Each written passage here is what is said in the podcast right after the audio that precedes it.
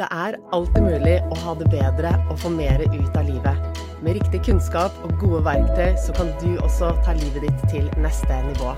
Level Up er podkasten for deg som vil ha mer glede, mer energi, mer overskudd, motivasjon og mening, og rett og slett bare ha et bedre liv.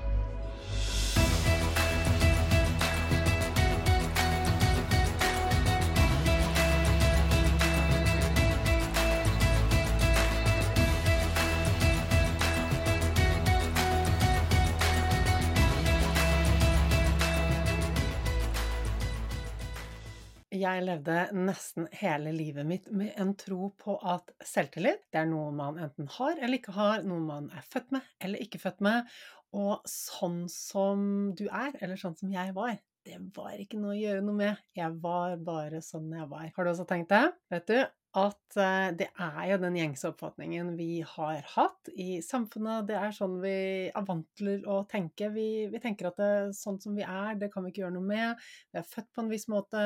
Familien vår er sånn. Det bare er sånn tingene er. Men vet du hva? Det er ikke sant. Fordi vi kan endre oss. Vet du at selvtillit er en mental ferdighet som du kan trene opp ved å bruke mentale teknikker. Enkelt og greit. Er ikke det helt fantastisk? Det er jo så befriende. Det betyr at alt er mulig. Så hva er egentlig selvtillit? Og hvordan trener du det opp? Hvilke mentale verktøy kan du bruke for å trene opp selvtilliten din?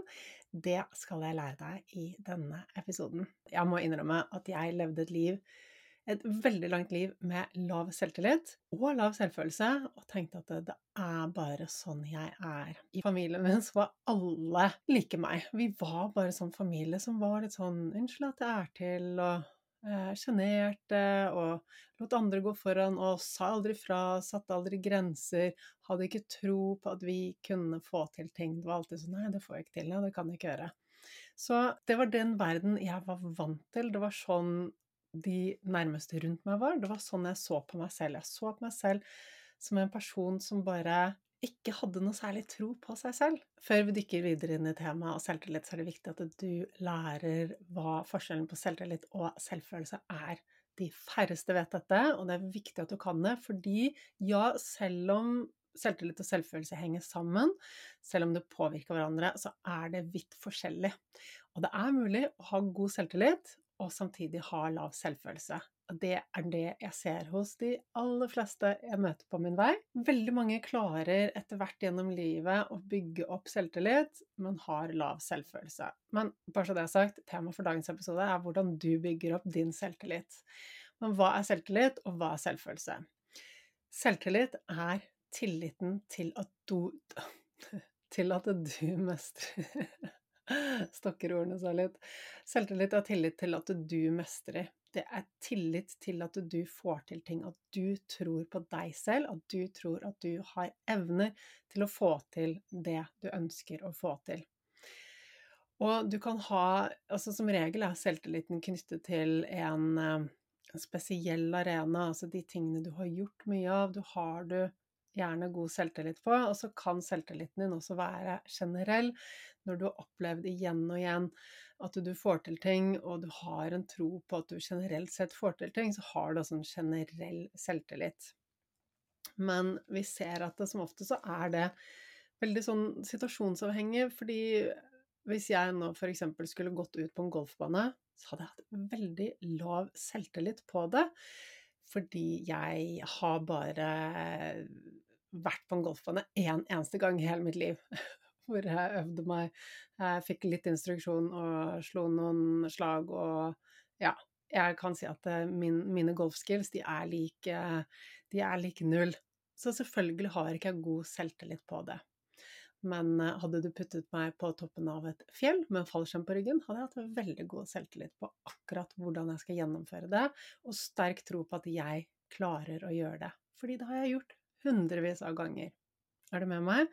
Så selvtillit handler jo om de arenaene som du er mye på, merker at du mestrer, gjør mye av. Det vil du ha god selvtillit på. Det er mange ting i livet ditt som du har god selvtillit på. Kanskje du har god selvtillit på å mm, ja, hva skal jeg si, hva gjør du på jobben din, hva gjør du hjemme? De tingene du gjør mye av, de, de vet at du får til. Altså, du har tillit på at du får til de tingene. Kanskje du har god selvtillit på å rett og slett sabotere for deg selv. Eller sitte i sofaen og velge Netflix istedenfor å ta en løpetur. Ja, sånn kan også selvtilliten funke. Um, men ja, vi kan også ha, som jeg sa, en generell tillit til oss selv. Fordi har du opplevd igjen og igjen at du får til ting, og du ser på deg selv på en konstruktiv måte, da vil du kunne gå inn i helt nye situasjoner og tenke at ja, ok, det her kan jeg sikkert få til når jeg øver meg. Da er vi tilbake til dette med vekst, tankesett, som Tim Rudi snakket så mye om i episoden. Har du ikke hørt den, så anbefaler jeg å gå tilbake og lytte til den. Um, dette med å ha et vekstorientert tankesett, det handler om at vi ikke trenger å være perfekte i det vi gjør her og nå, og at vi kan uh, At den eneste måten vi blir bedre på, er å lære. Så klarer vi å ha et vekstorientert tankesett, så kan vi gå inn i en helt ny situasjon hvor vi egentlig ikke har forutsetninger for å klare det, eller vi, en ny situasjon hvor vi ikke kan det vi skal gjøre, og likevel kjenne på at vi har tillit til at vi gjør vårt beste, til at vi ikke går i kjelleren når vi feiler. Feil betyr ikke at vi er dårligere enn andre, det betyr bare at vi trenger å øve oss mer fordi vi ikke har øvd oss så mye, ikke sant? Hvem er det som er verdensmester når de prøver noe første gangen? Det er veldig, veldig få. Det går an å ha begynnerflaks, og noen er litt sånn noen er idrettstalenter, f.eks., og så en som Jeg kjenner et par som er sånn typisk idrettstalenter, og de mestrer så mange forskjellige idretter, og når de prøver noe nytt, så går det ganske kort tid før de mestrer det også. Men de er fortsatt ikke verdensmestere fra dag én, ikke sant? Men du kan gå inn i en situasjon Har du et vekstorientert tankesett, så kan du gå inn i en situasjon med, høy selvtillit, fordi at din verdi ikke avhenger av om du er perfekt eller ikke. Det er ikke det som er viktig. Og du vet at ved å øve deg, så vil du bli bedre. Så forventningene dine er da ikke til at du skal være perfekt. Det er helt unødvendig å være perfekt. Forventningene dine er at du skal være åpen for læring, øve deg, og sånn forbedre. Så det her er jo um, veldig stor forskjell på det å gå inn i en situasjon sånn som jeg var før, og forvente at jeg må være perfekt. Hvis jeg ikke er perfekt, så er det et farlig sted for meg å være, og da skal jeg i hvert fall ikke holde på med det. Um, typisk det var sånn Nei, det er kjedelig. Eh, det er ikke noe for meg fordi sånn og sånn. Så hjernen vår kommer opp med masse unnskyldninger for å beskytte oss fra å feile hvis vi tror at vi ikke kommer til å få til noe hvis vi da ikke har eh, adoptert et sånt vekstorientert tankesett. Ja. Så kort oppsummert, selvtillit er troen på at du kan få til ting, versus selvfølelse, som er det du tenker og føler om deg selv, den verdien du ilegger deg selv. Det er rett og slett det du føler at du er verdt, det du føler om deg selv som et menneske. Og det er klart at når du skal trene opp selvfølelsen din, så er det å trene opp selvtilliten din en del av selvfølelsen. Og når du får bedre selvfølelse, så vil det være mye lettere for deg å trene opp selvtilliten din. Så jeg håper du henger med meg her. Så det er to vidt forskjellige ting. Når vi har lav selvfølelse, så er det fordi vi føler at vi ikke er like verdifulle som andre. Så det har med verdi som menneske å gjøre, at vi validerer oss eh, på en måte som gjør at vi er mindre verdt enn andre. Eh, mens selvtillit, det er egentlig bare tro på at du får til noe. Så ja, det er forskjellig, og det er viktig å vite denne forskjellen. Fordi jeg vet, og sånn var det for meg også før, og jeg hører dette igjen og igjen, at folk sier 'Å, jeg har så lav selvtillit'. Eh, jeg har lav selvtillit. Og så vet vi egentlig ikke at det er et begrep som heter selvfølelse. Jeg visste ikke at det fantes noe som het selvfølelse engang. For meg så var det bare Jeg var sjenert, jeg var usikker, jeg trodde ikke på meg selv, jeg var redd for hva andre tenkte om meg. Det er liksom hele den pakken av de negative følelsene om meg selv, det puttet jeg bare merkelappen selvtillit på. Men det er ikke riktig. Jeg ser at veldig, veldig mange gjør det, men det er ikke riktig, og det er viktig at vi vet forskjellen, fordi det har så mye å si. Og jeg trodde i mange år at jeg hadde kommet til et sted hvor jeg hadde god selvtillit. Altså, ja, gjennom barndommen og ungdomsårene så hadde jeg både lav selvtillit og lav selvfølelse. Og det var jeg fullstendig klar over. Det var ikke noe stor overraskelse for meg. Og så gikk det jo gjennom, jeg begynte å liksom 20 og nærmet meg 30, og jeg jeg gjorde så mange ting, ikke sant. Når vi er små, så kan foreldrene våre beskytte oss, og de kan fikse ting for oss, og så kommer vi ut i voksenlivet, og så begynner vi å gjøre oss erfaring med at vi, vi må gjøre ting. Vi må kanskje dra på jobbintervju, vi må snakke foran andre, vi, må, vi må, setter oss selv i mange situasjoner vi er nødt til, som vi er nødt til å gjøre. Og etter hvert så vil vi få erfaring med å gjøre disse tingene, og da stiger selvtilliten. Jeg fikk masse erfaring med å reise. Jeg reiste og reiste i flere år. Gjorde forskjellige ting. Studerte, jobbet.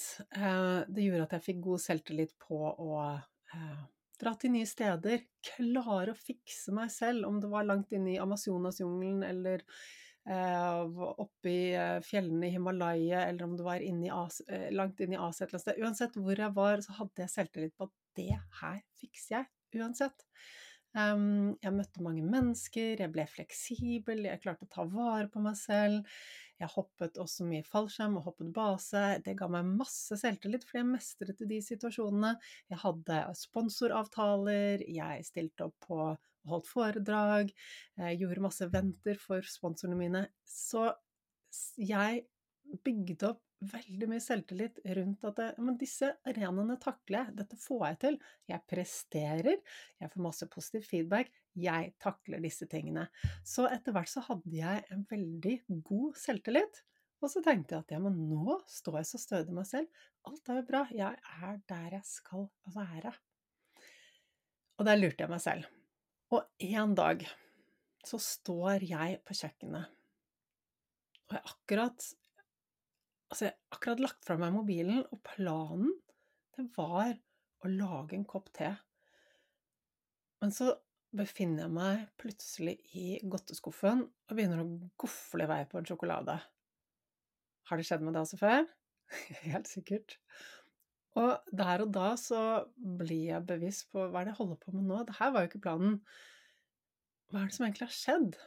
Hvorfor står jeg i godteskuffen nå? Jo, jeg hadde en sånn knugende følelse i magen, en sånn vond, ubehagelig følelse, innser jeg der og da. Og jeg innser også at den følelsen har jeg nesten hver dag. En sånn følelse som bare er så ubehagelig at godteskuffen er det beste alternativet. Og så spør jeg meg selv, ja, men den følelsen Hva er årsaken til at jeg har den følelsen? Hva var det som dukket opp før den følelsen kom? Jo, jeg hadde vært på sosiale medier, jeg hadde sett at veldig mange som jeg kjenner, er invitert på et event som jeg ikke er invitert på. Det var helt unaturlig å få en invitasjon dit. Det sto ikke på radaren engang. Likevel så satt jeg igjen med en følelse av at jeg ikke var like bra som de andre. Og der og da så skjønte jeg det. Og jeg skjønte at det, denne følelsen, den har jeg hver eneste dag. Altså, og jeg er helt sikker på at du vet hva jeg snakker om når du begynner å kjenne litt etter, når du begynner å bli bevisst.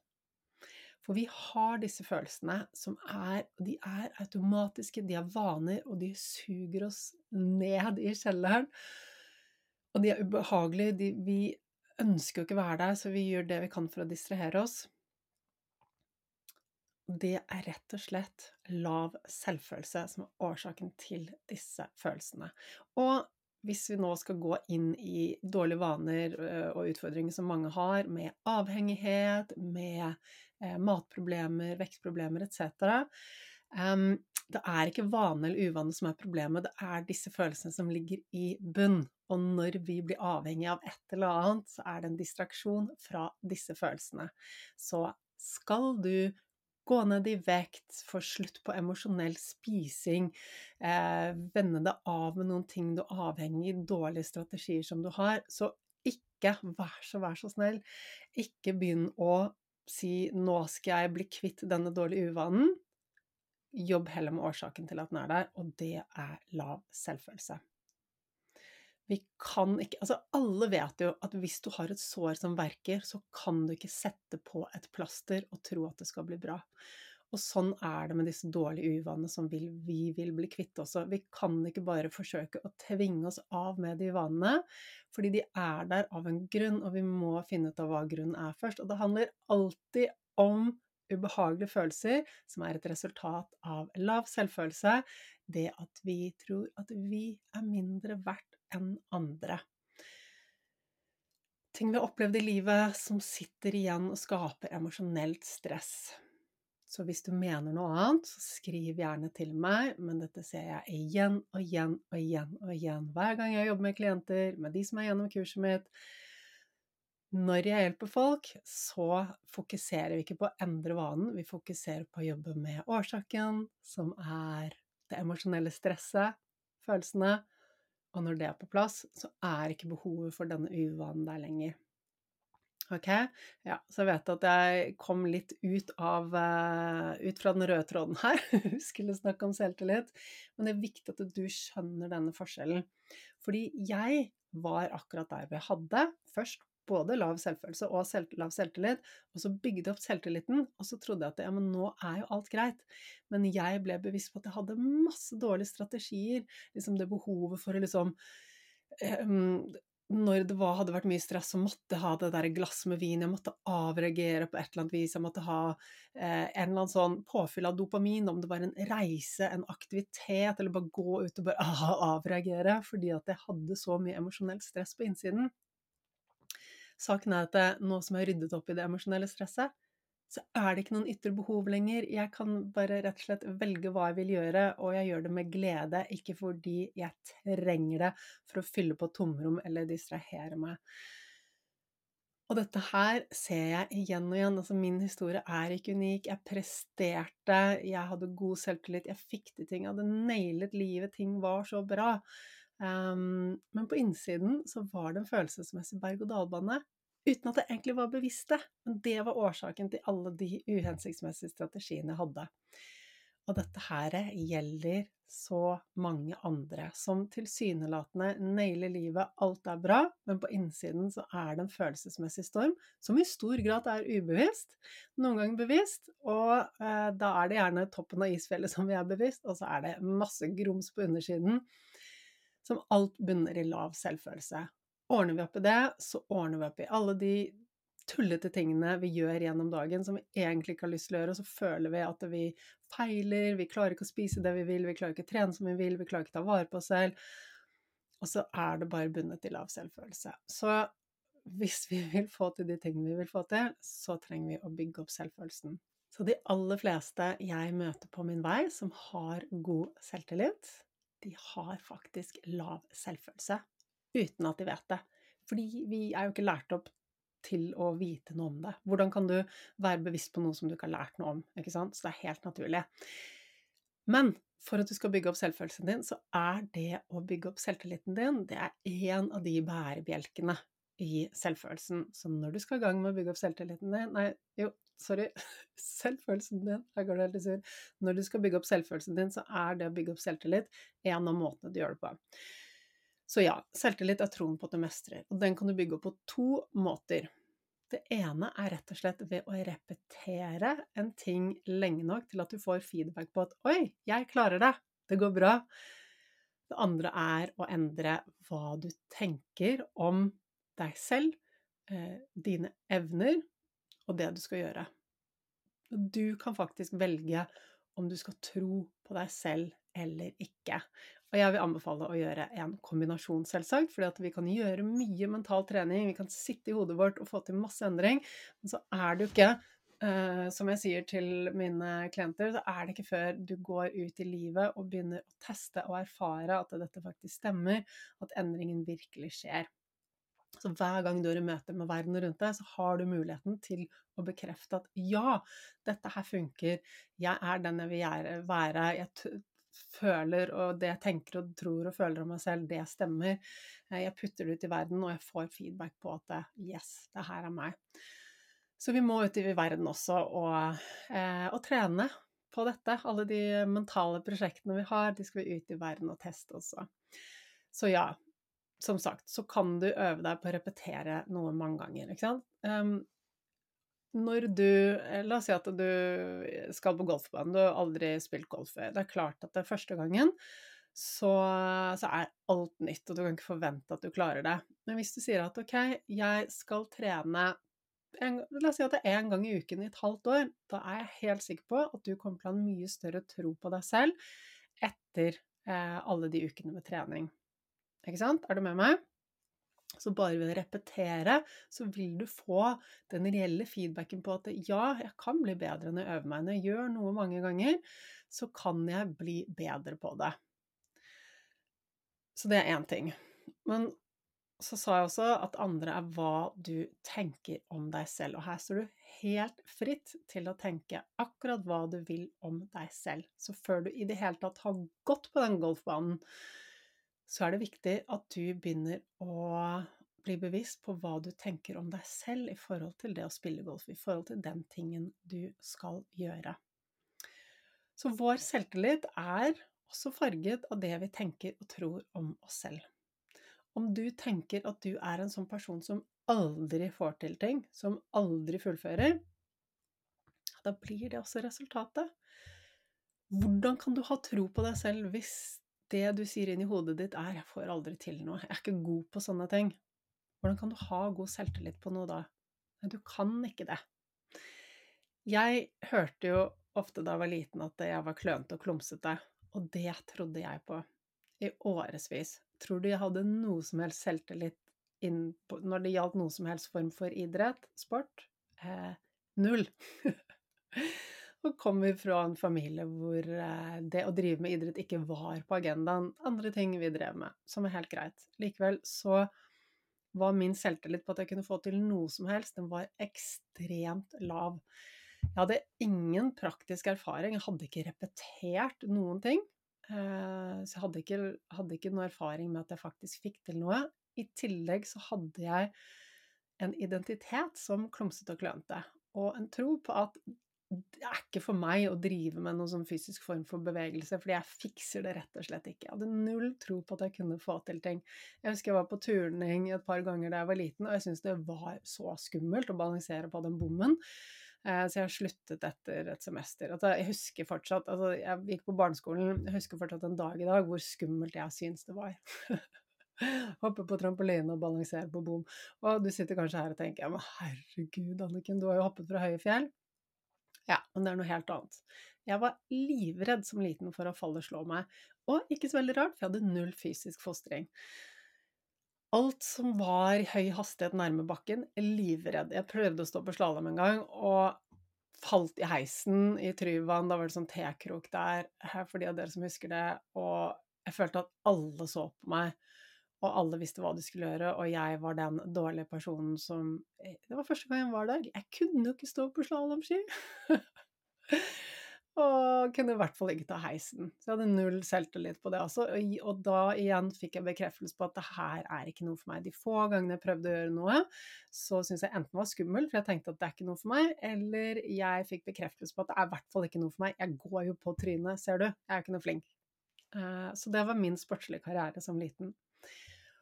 Og i ettertid, i godt voksen alder, så utfordret jeg jo dette. Jeg skjønte at eh, ok, det er ved å øve seg at man kan bli bedre. Og det jeg har tenkt og trodd om meg selv, det trenger ikke være sant. Ja, jeg skal innrømme at hvis jeg, jeg kan være ganske distré, og når jeg er i mitt distré hjørne, så kan jeg være klønete og klumsete.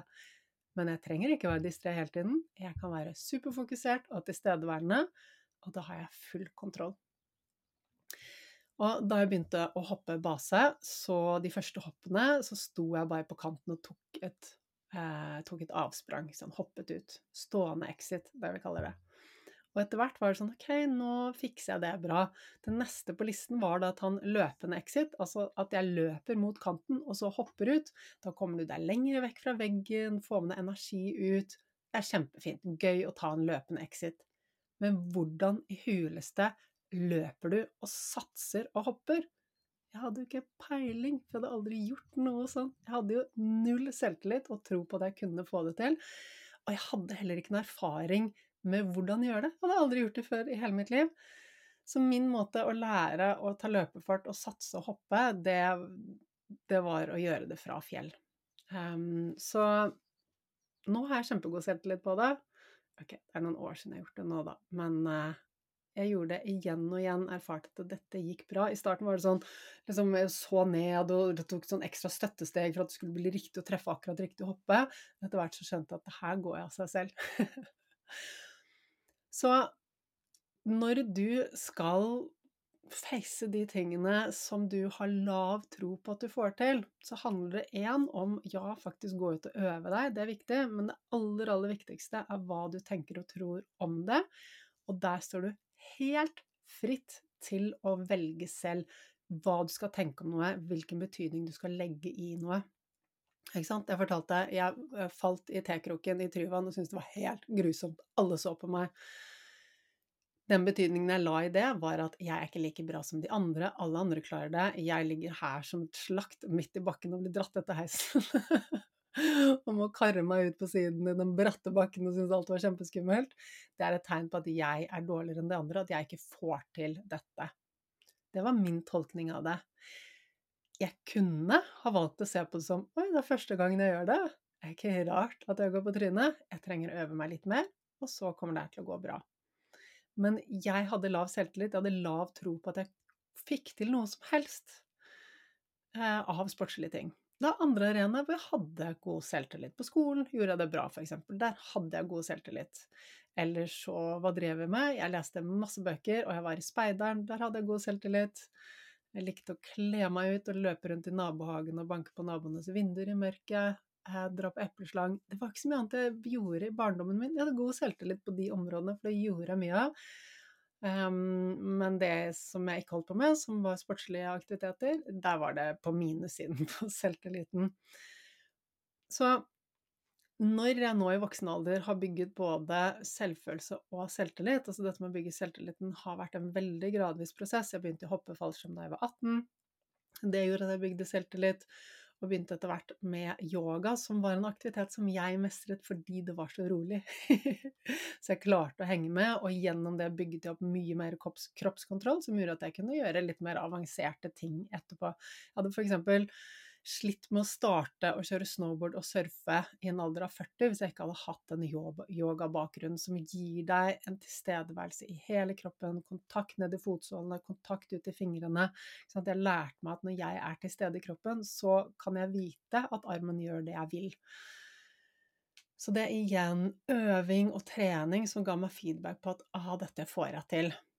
Men oppi alt det der hadde jeg tidligere visst at vet du hva, den måten jeg ser på meg selv på, den trenger ikke være sann. Det er bare jeg som bestemmer om det skal være sånn, og jeg kan endre på hvordan jeg ser på meg selv.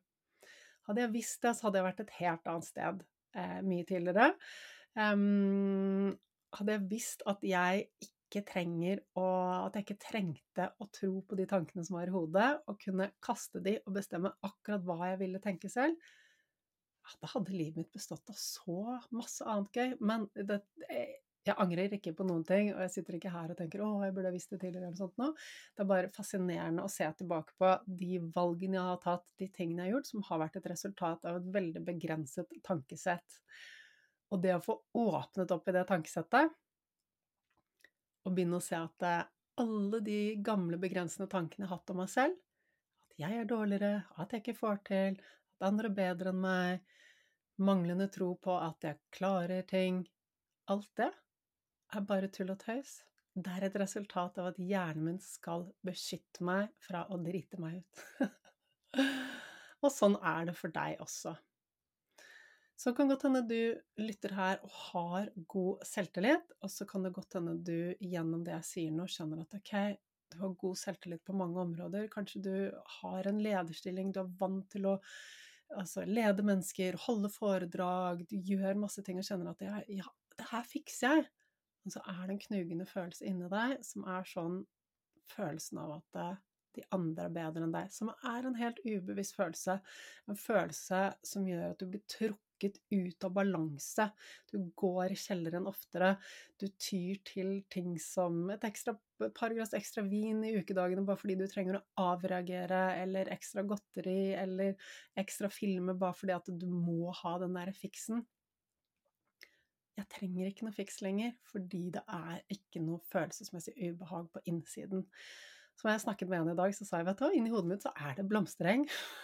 og det, det, sa jeg til mannen min også her uh, om dagen. Fordi noen ganger, eller veldig ofte, så er hodet mitt fylt av de tingene jeg skal gjøre. Veldig fokusert, veldig målrettet.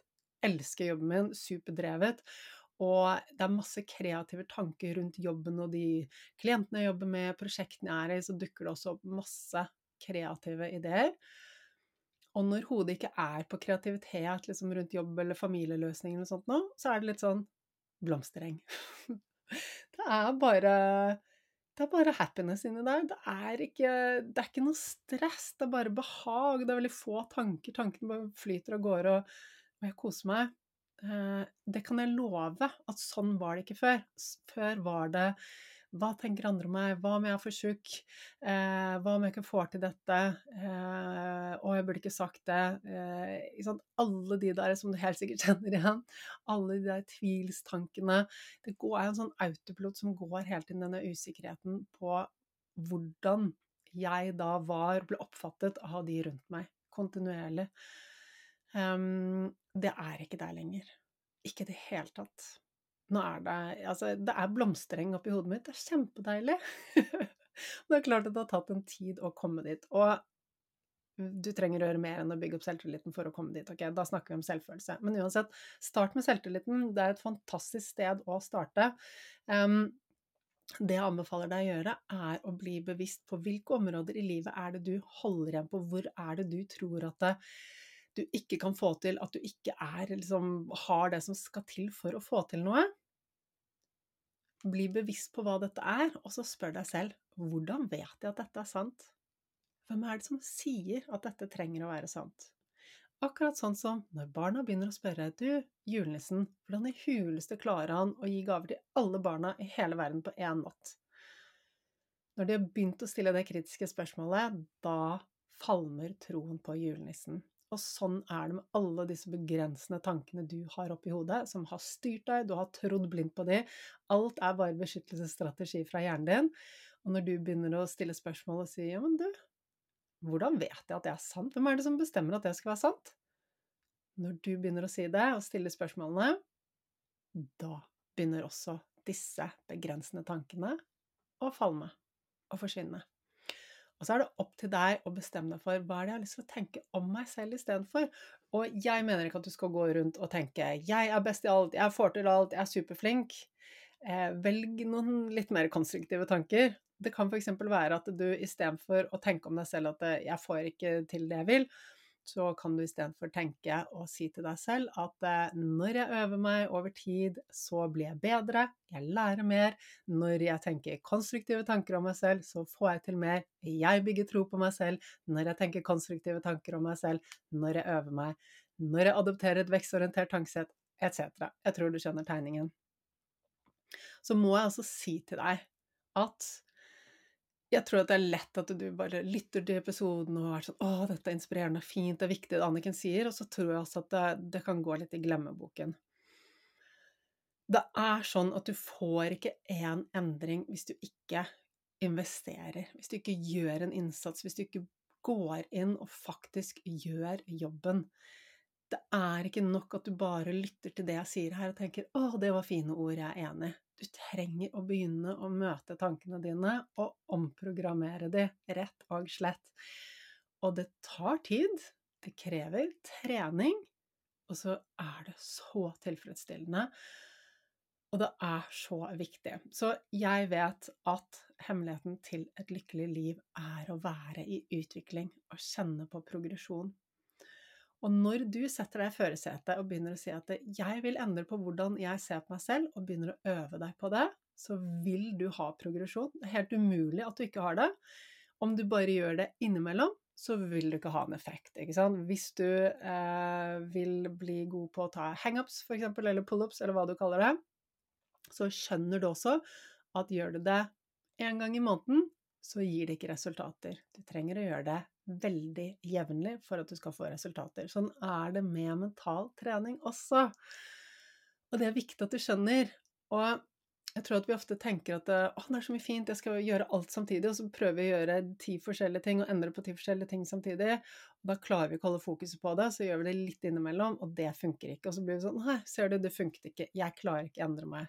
Istedenfor anbefaler jeg deg å velge ut én ting og gjøre det hver eneste dag. Sånn som Tim Rudi kom med et fantastisk tips i den episoden um, hvor han delte at eh, han, hver gang han gikk inn og ut gjennom døren, så hadde han noen repeterte for seg selv. Så enkelt er det. Kanskje det er hver gang du pusser tenner, hver gang du går ut utgangsdøren, hver gang du sitter på do, hver gang du peller deg i nesen, hva vet jeg. Finn en ting som du gjør hver eneste dag, og så bestem deg for å øve deg på å endre tankesettet ditt hver gang du gjør det. Og da vil du ha resultater. Det er umulig hvis du hver dag i et halvt år repeterer en ting til deg selv, endrer på tankesettet, eh, møter tankene dine og sier ok, jeg vil tenke dette om meg selv, repetere den tanken, så vil det gå inn. Det vil endre deg. Ja, det krever litt, og det er mange smidige verktøy du kan bruke for å få til den endringen. Jeg har også et veldig fint lydspor som du kan laste ned um, hvis du går til annikenbinds.com selvtillit. Der laster du ned eh, Legger du inn e-post og navn, og så får du en PDF med enda flere verktøy for å bygge selvtilliten din.